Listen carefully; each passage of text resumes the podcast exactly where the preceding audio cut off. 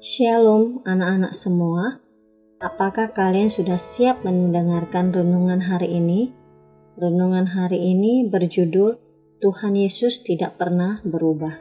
Dari Ibrani 13 ayat 8. Pernahkah kamu saat akan bersiap-siap pergi dengan memakai sebuah pakaian dan kamu menyadari bahwa kamu tidak menyukai pakaian yang sedang kamu pakai? Kalau masih ada waktu, mungkin kamu akan mengatakan kepada mamamu kalau kamu mau mengganti pakaianmu karena kamu tidak suka. Banyak orang yang melakukan ini. Kita bisa saja berubah pikiran. Atau pernahkah kamu menyadari bahwa makanan yang dulu kamu benci kini mulai menjadi makanan favoritmu? Mungkin kamu dulu membenci bayam. Setelah bertahun-tahun membenci bayam, kamu mulai menyukainya. Banyak orang seperti itu. Seiring bertambahnya usia, selera kita mulai berubah.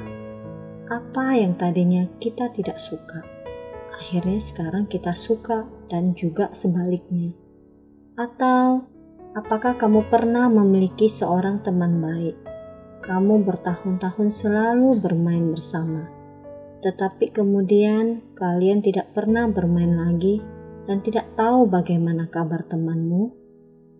Beberapa teman akan selalu menjadi bagian dari hidup kita, tetapi beberapa persahabatan kita akan berubah setelah bertahun-tahun.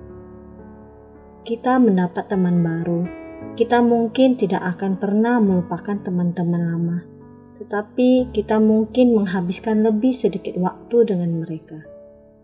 Perubahan adalah bagian dari kehidupan setiap manusia. Kita harus menghadapi perubahan itu. Terkadang dibutuhkan waktu yang sangat lama lagi bagi kita untuk berubah.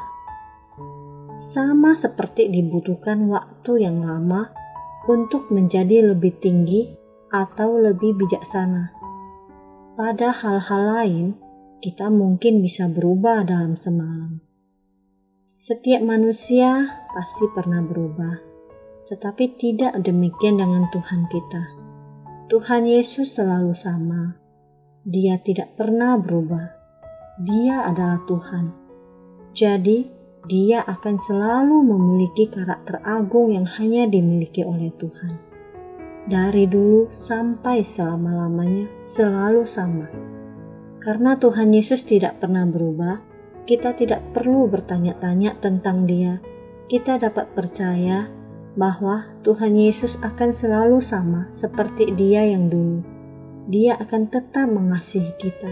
Dia tidak akan pernah melupakan kita atau mengecewakan kita atau mengubah pikirannya tentang kita dia tidak akan pernah melakukan kesalahan karena dia setia dan tidak pernah berubah.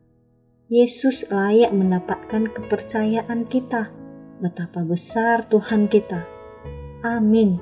Tuhan Yesus memberkati.